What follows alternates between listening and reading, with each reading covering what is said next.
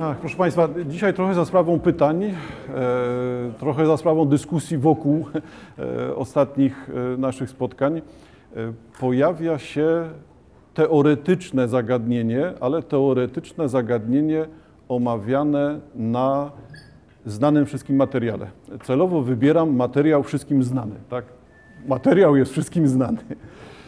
E, Wobec tego e, duża część dzisiejszego spotkania to będzie wykorzystanie Biblii, no nie literalne, zobaczcie Państwo, jakiego, jako takiego materiału do rozważań, bo jednak najważniejszą kwestią dzisiaj nie jest znajomość tekstu biblijnego, bo to ja rozumiem, zobowiązuje każdego, tak? Niezależnie od tego, czy y, jest to dla nas tekst religijny, czy jest to zabytek literacki, no to jest to fundament, pojawia się wszędzie, niezależnie od światopoglądu, wyznania, czy ateiści, czy ortodoksyjni chrześcijanie, y, no to jesteśmy tak samo zobowiązani do znajomości tekstu no, dla nas jednego z najważniejszych, jak nie najważniejszego w tym kręgu kulturowym, w tej części świata. E, Stąd e, katechezy na pewno dzisiaj nie będzie. Także proszę na to nie czekać, że ja teraz będę e, tłumaczył, co należy rozważać, żeby spowiedź w czasie Wielkiego Postu była udana. Nie, no, to nie, no, zostawmy kaznodziejom, zostawmy duchownym. Ale czy to oznacza, że ja dzisiaj będę wypowiadał się jako osoba będąca przeciwnikiem? Nie, nie. I to jest ta sprawa, że ja nie mam zamiaru tak się wypowiadać. To, y, jako filolog y, nie mogę nie uznać tekstu Biblii, no bo on będzie pojawiał się w tylu momentach i jako odwołania, i jako postacie, jako wątki, jako przedmioty, y, jako zbiór wartości, wskazań, więc wszędzie ten tekst towarzyszy Europie. Światu dużo powiedziane, ale Europie na pewno tak. Wobec tego nie można go w żaden sposób lekceważyć. Różni natomiast, i to widzę już w relacji ze swoimi znajomymi, różni nas podejście, ponieważ moje podejście do Biblii jednak jest podejściem podwójnym. To znaczy z jednej strony sposób rozumienia Biblii. E, podwójny, czyli ja e, ani się nie wypieram, ani nie zaprzeczam, ale nie mam zamiaru e, tego ukrywać. Rzeczywiście z wychowania i z przekonania jestem chrześcijaninem, jestem katolikiem. Bo co miałbym powiedzieć, że, że nie, albo, albo wydaje mi się, że, że, że nie. No, no, nie, nie, nie, nie ma o czym gadać. No poza tym jestem w tej samej sytuacji, co i ile z nas? 80%, 90%. No, różne jest podejście w wieku dojrzałym do religii i to jest zrozumiałe, że to nie jest to, co ten, ten zapał sypania kwiatków na Boże Ciało. Znaczy raczej z pamięci przywołuję przykład córki. E, sam nie sypałem. No bo właśnie, nieodpowiednie to by było. E, no tak, ale e, później już tego nie mamy. E, później przeradza to się albo w obojętność, albo w bezwład. Taki no, niedziela bez kościoła jest nieudana, bo potem nam czegoś brakuje, no to trzeba iść. Do czegoś to służy? No tak do niczego trochę. No ale jest to rodzaj tradycji, podtrzymania czegoś, kontynuacji. Także widać, że to w wieku dojrzałym możemy różnie traktować. Nie? Najmniej chyba jest w tym takiego neofickiego podejścia, odkrywania, no bo tego odkrywanie mamy już w tym momencie za sobą. Nie ma czego odkrywać.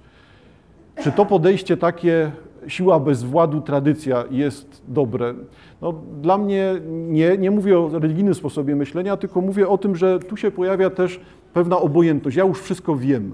E, wiem o tekście, już nic nowego mi nie powiedzą. Ile razy można wysłuchać o narodzeniu pańskim? No tyle, ile Bóg da, tak? Może 50, może 90, to, ale, no ale to będzie taka lista. No. I potem się przeradza to w coś takiego, no, poruszamy się po wytartych y, ścieżkach, wiemy wszystko, przestaje nas to trochę obchodzić. I tu pojawia się to moje drugie podejście jako filologa. Podważam teraz wszystko to, co powiedziałem wcześniej. Bo najbardziej interesująca sprawa dla mnie jako filologa jest taka, że o Biblii no, nie da się tego zmniejszyć. E, nie da się powiedzieć, że wiemy prawie wszystko o Biblii, to nieprawda. Trochę za dużo powiedziane i tego się właśnie obawiam, wiemy prawie nic. Trochę za dużo. No ale zaraz Państwo zobaczycie, no, sprawa po prostu jest taka, że, że rzeczywiście wiedza o Biblii nawet wśród fachowców jest wiedzą na zasadzie takie przyjęliśmy ustalenia. To nie jest wiedza, która polega na pewnikach, tylko polega na tym, tradycja określa, e, historia nas uczy, e, mędrcy nam przekazali, ojcowie Kościoła opowiedzieli, że najmniej jest w tym pewnych ustaleń. I tu jest cały ten szereg kłopotów, które z jednej strony mogą być przez Państwa odbierane tak, jak ja bym coś teraz podważał, czy wchodził w dyskusję z sposobem myślenia religijnym. Proszę tego tak nie odbierać. Ja zwracam uwagę na sprawę dla mnie istotniejszą. Jak to w końcu jest z czytaniem książek? Co ja czytam w książkach? Bo patrzę na Biblię, książka. Co ja czytam w książce? Co ja chcę znaleźć w książce? Z jakiego powodu po nią sięgam? Czy z powodu tego, że mam y, poznać w przypadku Biblii, e, poznać prawdy związane z religią. E, no tak, gdybym miał 10-12 lat, to bym je poznawał. No teraz nie za bardzo mi wypada, no raczej poznałem już je. No to, to nie jest ten motor, to jest to, o czym wspominałem. Już to wiemy, już to słyszeliśmy. Tylko co w takim razie dalej? Czy e, czytanie książek polega na tym, że trzeba czytać je w kółko takie same? No to jest jedno z podejść. Nie chodzi o to, żeby czytać stale nowe książki, tylko stale wracać do trzech, czterech książek. I rzeczywiście część czytelników tak ma. Nie czyta codziennie nowej książki, tylko mamy jako czytelnicy na półce swoje trzy, cztery, pięć. Oglądałem wczoraj jakąś porywającą komedię, znaczy swoją drogą dobrą, tak, e, komedię. E, damy mu na imię Adolf przed, źle przetłumaczyłem tytuł, Der Vorname, tak? Vorname to jest imię. Tak. No. Y, filmik polegający y, na tym, że tam prowokacyjnie jeden, niemiecki film, jak tytuł wskazuje, e, prowokacyjnie jeden z bohaterów upiera się, że swojemu synowi w drodze, jeszcze w brzuchu jego żony, się lekko zawaham, nie pamiętam czy żony, czy, czy partnerki, Chcę nadać na imię Adolf. I wtedy też zapada takie milczenie. Co z tym teraz zrobić? No ale film między innymi zaczyna się od tego, że y, gospodarz y, ma na półce takie 12 książek i odwiedzający go człowiek pyta, i ty to naprawdę wszystko przeczytałeś? To jest porywająca współczesność. Znaczy gospodarz odpowiada, że tak nawet niektóre parę razy nie. No ale, no ale ten punkt widzenia jest rzeczywiście taki obezwładniający. E, stąd e, czy, czy, czy czytanie książek polega na tym, że poznawamy nowe rzeczy? No może tak. Czy czytamy w kółko takie same książki? No, może tak. No to jeżeli czytamy te same, to czy czytamy tylko po to, żeby jeszcze raz potwierdzić sobie, usłyszeć to, to samo, czy czytamy po to, żeby jednak zmieniać ten, to odczytanie? Czy kolejna lektura książki daje mi więcej niż pierwsza? To jest to pytanie. No i teraz będzie pytanie, zależy której. Jak czytamy kryminał czy thriller, to trudno jest drugiej, trzeciej lekturze odnaleźć te same emocje ale jeżeli książka jest dobra, to odnajdziemy całkowicie inne. I dlatego ja rzeczywiście zdecydowałbym się na to, żeby zacierać wszystkie te e, rozważania, e, czy thriller, czy kryminał, czy obyczaj, e, czy fantastyka, no bo jak ludzie książki dzielą się tak samo na dobre i złe, tak gatunki w grę za bardzo nie wchodzą. Co wobec tego począć z czytaniem Biblii, ale nie przez olśnionego dziesięciolatka, który po raz pierwszy słyszy, y, że nie należy ukrywać światła pod korcem. I pewnie ciężko się zastanawia, o co chodzi z tym korcem. E, no to skoro nie tak, no to inaczej, ale czy kłopotem nie jest to, zacytuję Stasiuka, e, nie jest to, że jak nie myślę, to wierzę, ale jak zaczynam myśleć, to mi ta wiara znika. To się, zaczyna się po prostu coś roz, rozchodzić. Jak wyjaśniliby to ludzie, którzy z przekonania, no, wolałbym naukowo niż z pasji, e, sięgają, e, sięgają po Biblię, czyli teolodzy powiedzmy. No, zwróciliby uwagę na to, że Biblia jest specyficzną książką. Nie jest książką, która jest stricte fabularna. No, czytamy rozdziałami czy autorami, poznajemy epoki, zmieniają się kultury. No, to jednak jest kawał czasu. Tak? No, historia opisywana tutaj to jest 2000 lat. Historia w czasie której powstawała Biblia jest już znacznie krótsza. Tutaj znowu będziemy się wahać, kiedy to spisywano. Czy ta książka powstawała przez 1000 lat, przez 800 lat kiedy tradycja ustna zaczęła przechodzić pisemną, zaczyna to się wszystko wtedy już y, zmieniać. E, no ale w takim razie, e, gdybyśmy czytali to jako źródło historyczne, no to poszukiwalibyśmy tego, co powiedziałem. Daty, nazwiska, kolejności, ustalenia, jak te księgi na siebie oddziaływały, kto, który autor późniejszy bierze od których wcześniejszych, jakieś przekonania, sformułowania, jak przekształca ich myśli. Dobra. E, teolodzy zwracają uwagę na to, że to jest ta wyjątkowość księgi, duża litera, e, ponieważ e, ona nie jest zamkniętym tworem, tylko w ujęciu religijnym Biblia polegałaby na tym, że czytamy ją jako księgę aktualizującą się, żywą. Nie ma czegoś, co jest zamknięte tylko w tekście. Odczytanie religijne jest odczytaniem takim, to jest tylko materiał, to jest kierunek, a kontaktujesz się z kimś bezpośrednio. Poznajesz kogoś, kto jest żywy obok ciebie. Mówię teraz o stricte religijnym podejściu do czytania Biblii. Hmm? I to wtedy już zmienia, bo w takim razie to podejście, że religia, religijność, wiara nie sprowadza się do tego, żeby nauczyć się na pamięć Biblii i potrafić zacytować w każdej sytuacji coś, tylko yy, w tym kolejnym pomyśle religia rozumiana jest jako coś żyjącego, stającego się, część życia. Nie teoria, nie coś, co wyciągam z książki, tylko coś, co jest częścią życia. No to to jest to drugie podejście, takie, które podkreśla wyjątkowość Biblii. I teraz bym się właśnie nie wahał. Moim zdaniem, im więcej pytań zadaje się Biblii, pytania będą za chwilkę, im więcej pytań się zadaje, tym lepiej, ponieważ nie chodzi o to, żeby podważać. Nie chodzi o to, żeby kwestionować, uznawać, że to jest wszystko, wszystko, co zawarte jest w Biblii, jest tylko zbiorem pobożnych życzeń, nie wiadomo kiedy, przez kogo spisanych i kto to w ogóle czyta, nikt tego nie rozumie. No to jest jakby podważanie całości tekstu. Nie o to chodzi. Chodzi o to, żeby w momencie e, zadawania sobie pytań aktualizować swoje podejście do religijności. Czy jestem kimś, kto żyje treścią Biblii inaczej. Dla kogo Biblia jest czymś dającym mu rzeczywisty wkład w życie. To jest coś takiego, co akceptujemy i czynimy z tego część życia. I to wtedy życie jest ważniejsze od samego materialnego aspektu. Nie książka się liczy, liczy się to, co ja z nią robię.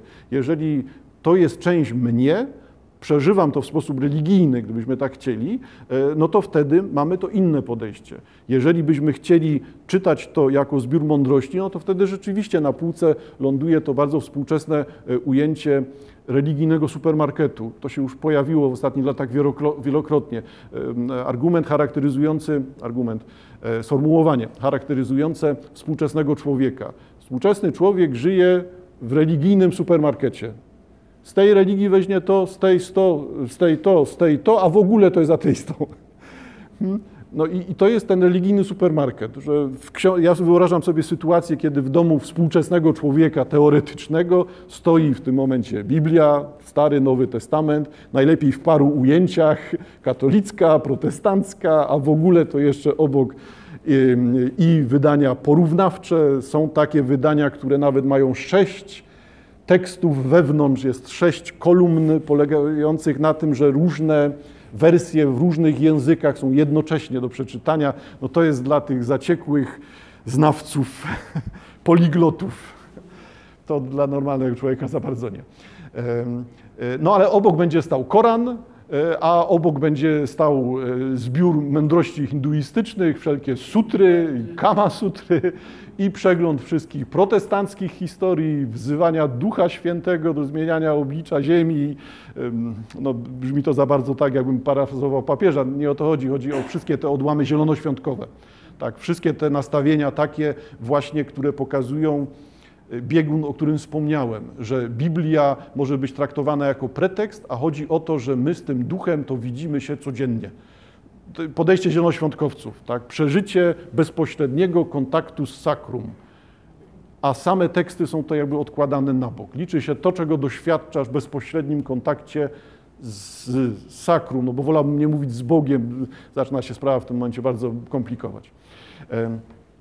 No ten religijny supermarket jest rzeczą ciekawą, ponieważ zrównuje wszystkie teksty, bo jeżeli teksty są w supermarkecie, no to mamy e, Biblię, Koran, e, mowy Buddy obok siebie, no to z tego trochę, z tego trochę, z tego trochę i powstaje z tego ta sałatka taką, jak ktoś sobie sam doprawi. No i mamy dalszy ciąg kłopotów. No bo tego typu podejście, całkowicie swobodne, będzie polegało na tym, że z każdej religii wezmę to, że jestem najlepszy, najwspanialszy, cudowny, jest mi dobrze, jak to zrobić, żebym był jeszcze szczęśliwszy e, i do tego to się wszystko sprowadza. Tak? Wykluczamy wszystkie wymagania, wybieramy tylko to, co jest karmelkiem, wisieńką na torcie, czekoladką, przykład sobie każdy może sam wpisać, e, przestaje to mieć sens. No, zaczyna być wtedy to takie właśnie rozwiązywanie krzyżówek. No, moja orientacja w tym sprowadza się do tego, że wiem, kto to był Siddhartha, tak, i tam potrafię sobie coś wypisać w krzyżówce. To też łatwo to zakwestionować. E, wobec tego, Skrajnie pesymistycznie może zabrzmieć to rzeczywiście tak. Jeżeli będziemy czytali coś bardzo dokładnie, to ostatecznie okaże się, że niczego nie potrafimy ustalić. Wszystko będzie nam się wymykało. wymykało. No to nie czytajmy tego dokładnie, no ale to wtedy będzie oznaczało, że czytamy po łebkach, wybiórczo i zmierzamy w stronę tego, no to wezmę z tego tyle, ile rozumiem, albo co mi pasuje, a na resztę machnę ręką. Tak źle, tak niedobrze. Nie jestem przekonany do tego, że jak ktoś się nauczy Biblii, a najlepiej jeszcze po grecku czy po hebrajsku, to wszystko będzie jasne. No też nie. No, nie jestem zwolennikiem tego, żeby uznać, skoro e, każda lektura Biblii będzie prowadziła mnie w takie miejsce, że niczego pewnego nie potrafię o tym powiedzieć, to po co mam to w ogóle czytać? To to nie ma sensu. No nie. No sens jest, tylko on jest niejednoznaczny. Nie jest taki sens, który da się zapisać w jednym, dwóch, trzech punktach jako procedurę do realizacji. Tak zrobisz, będzie dobrze. Nie, to się wymyka. Wróćmy do tego cytatu Stasiuka, ze Stasiuka. Jeżeli rzeczywiście tak jest, że myślenie wyklucza wiarę, to wiara wyklucza myślenie. Myślę, to nie wierzę. Jak wierzę, to nie myślę. Jest to ten paradoks, z którym się ścieramy, ale też do tego bym coś dopisał. To zaczyna przeradzać się nie w taki ciąg zero-jedynkowy, to nie są dwie izolowane pozycje, tylko to zamyka się w krąg. Myślę, więc oddalam się od wiary, ale oddalając się od tej wiary, paradoksalnie też do niej się zbliżam. Nie poruszamy się tu w linii prostej, tylko w tym podejściu będzie to polegało na tym. Zwątpienie jest etapem doświadczania czegoś, przeżywania czegoś. Wobec tego zwątpienie, szukanie pytania polegają na tym, że gdy wrócę do punktu wyjścia, to okaże się, że zachowałem to, co miałem w punkcie wyjścia, ale dokładam do tego całą resztę. Może bardzo bardzo zaczynam w skomplikowany sposób mówić chyba o jakiejś prostej sprawie. Tej prostej sprawie, co jest sztuką religijności. W przypadku takiego zdrowego podejścia, znaczy ja to tak zaproponuję umownie, że nazywam to zdrowym podejściem do religijności, jest to, że ktoś, będąc już człowiekiem dojrzałym, potrafi jednak cieszyć się tak jak na początku. To e, kaznodzieje pewnie będą nazywali dzieckiem że trzeba, będąc nawet człowiekiem dorosłym, odnaleźć w sobie kawałek dziecka, tego pierwszego odkrycia, jakiegoś no, zachwycenia, zamyślenia, przejęcia się, wystarczyłoby tyle czymś, Jeżeli coś takiego zachowujemy, no to wtedy właśnie realizujemy to. Przeszliśmy całą drogę, ileś tam zwątpień, ale jednak zostaje to, co było na samym początku, więc te zwątpienia nas nie oddalają, tylko budują. No, rzeczywiście brzmi jak kaznodzieja. Patrzcie Państwo. Zobaczmy to na przykładach. Pamiętajcie Państwo, że teraz, gdy mówię o czytaniu Biblii, to tak naprawdę mówię o czytaniu każdej książki. Czy pierwsze przeczytanie książki, pierwszy kontakt z tekstem jest kontaktem, który daje mi najwięcej? Czy to jest kontakt, który y, daje mi wiedzę o tej książce, czy tylko daje iluzję wiedzy o tej książce? Y, czy gdy przeczytam ją drugi raz, to przeczytam ją lepiej, czy gorzej? To nie, nie ma takich prostych odpowiedzi. Czy te kolejne odczytania sprawią, że ja przestanę wierzyć w tą książkę?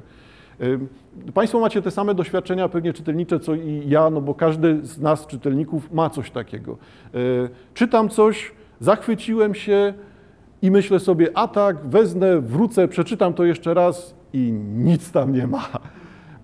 Czytam za drugim razem, okazuje się, że to była rzecz jednorazowa. To często trafiamy po prostu na takie rzeczy, ale wydaje się, że to tak łatwo jest pociągnąć. E, co wobec tego jest punktem wyjścia dla nas? Jeszcze jednak przed obrazkiem.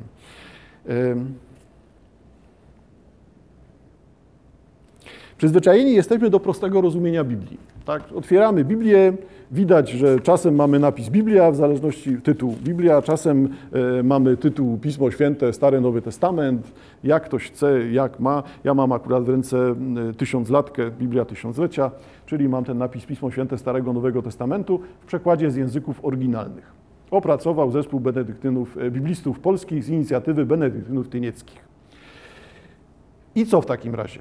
No i już mamy e, większość problemów na samej pierwszej stronie. E, ujawniający się tutaj kłopot czysto filologiczny jest taki, który tysiąclatka, któremu tysiąclatka miała zapobiegać.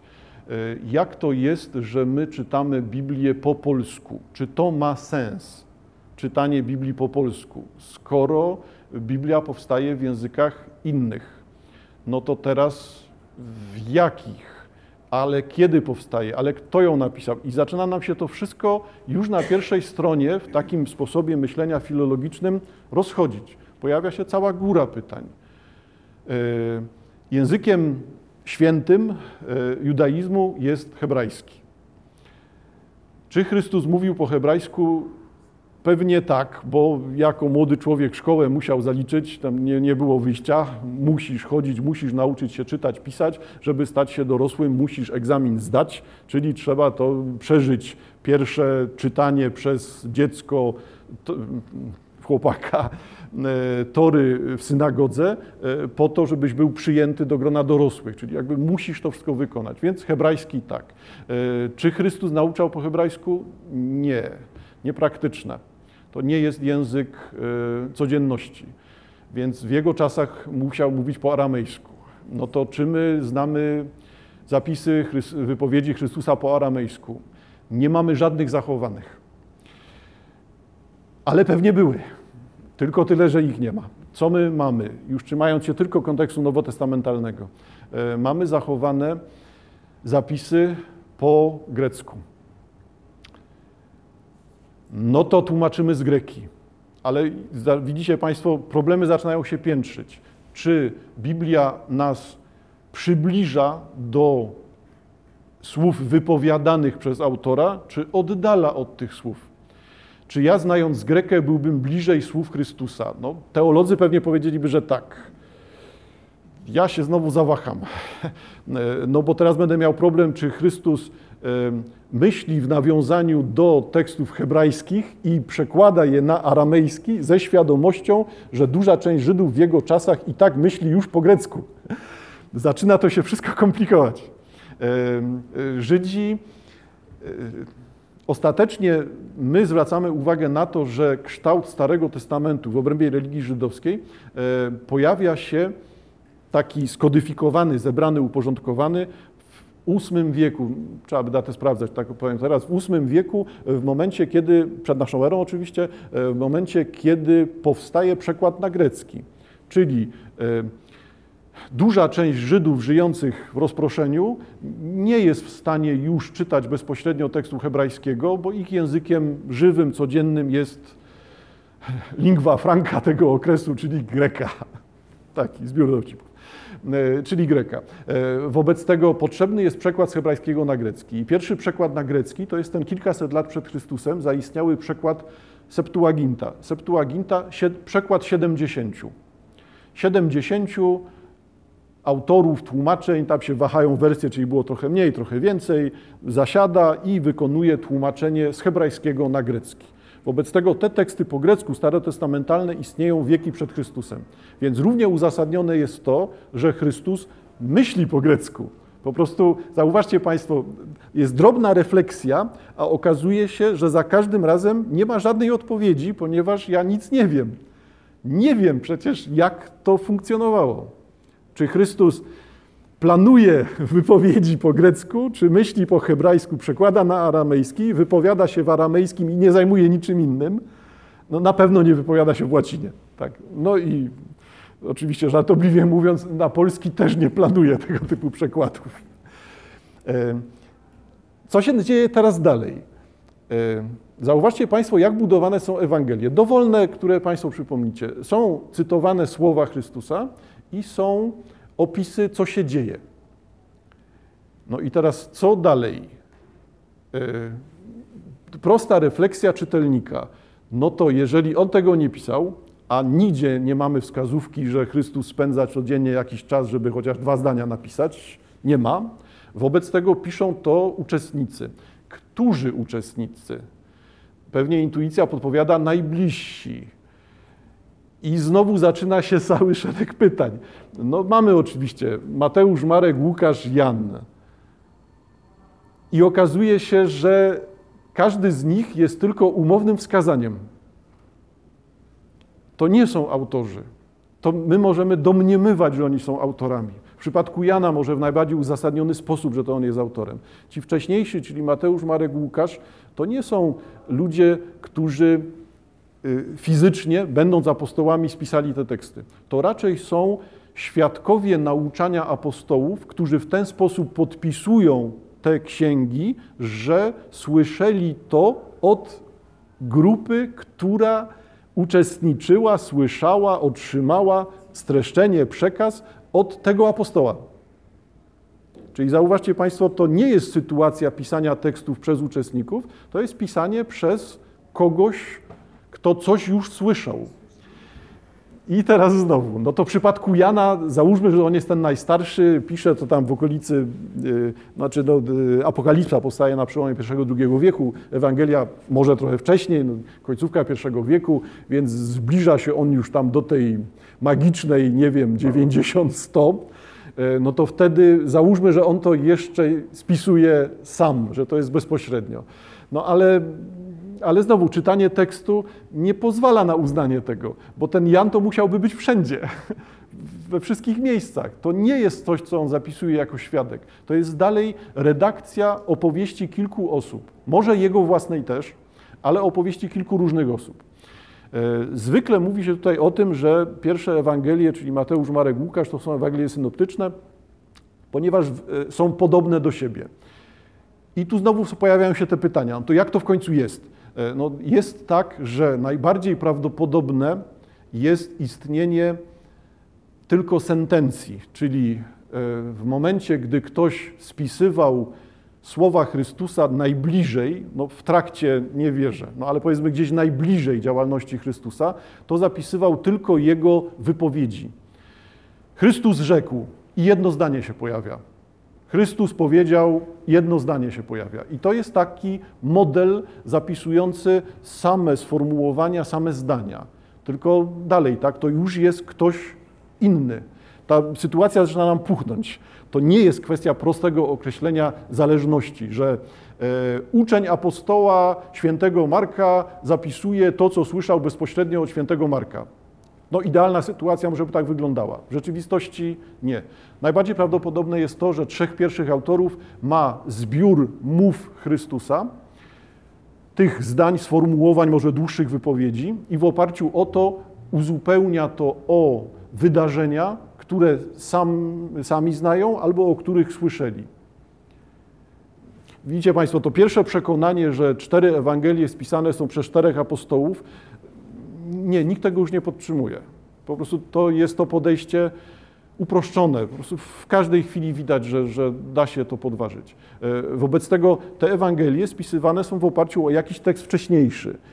Który tekst? Nie mamy tego tekstu. Czy ten tekst był spisany po grecku czy po aramejsku?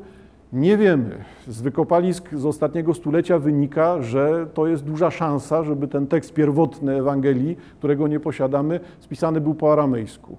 No, mamy skrawki takich dokumentów z pierwszego wieku, które pokazywałyby, że te zapisy aramejskie są. No, o ile oczywiście one są tymi zapisami pierwotnymi Ewangelii. Wobec tego o czym ja Państwu teraz mówię? Mówię o tym, że wszystko, co wydaje się pewnikiem w tekście, jesteśmy w stanie podważyć.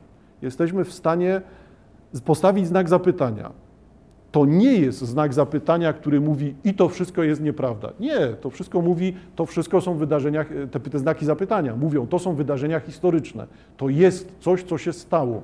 A od nas zależy to, jak to czytamy, tak? Jako zapis historyczny, czy jako zapis no taki właśnie czysto religijnego doświadczenia.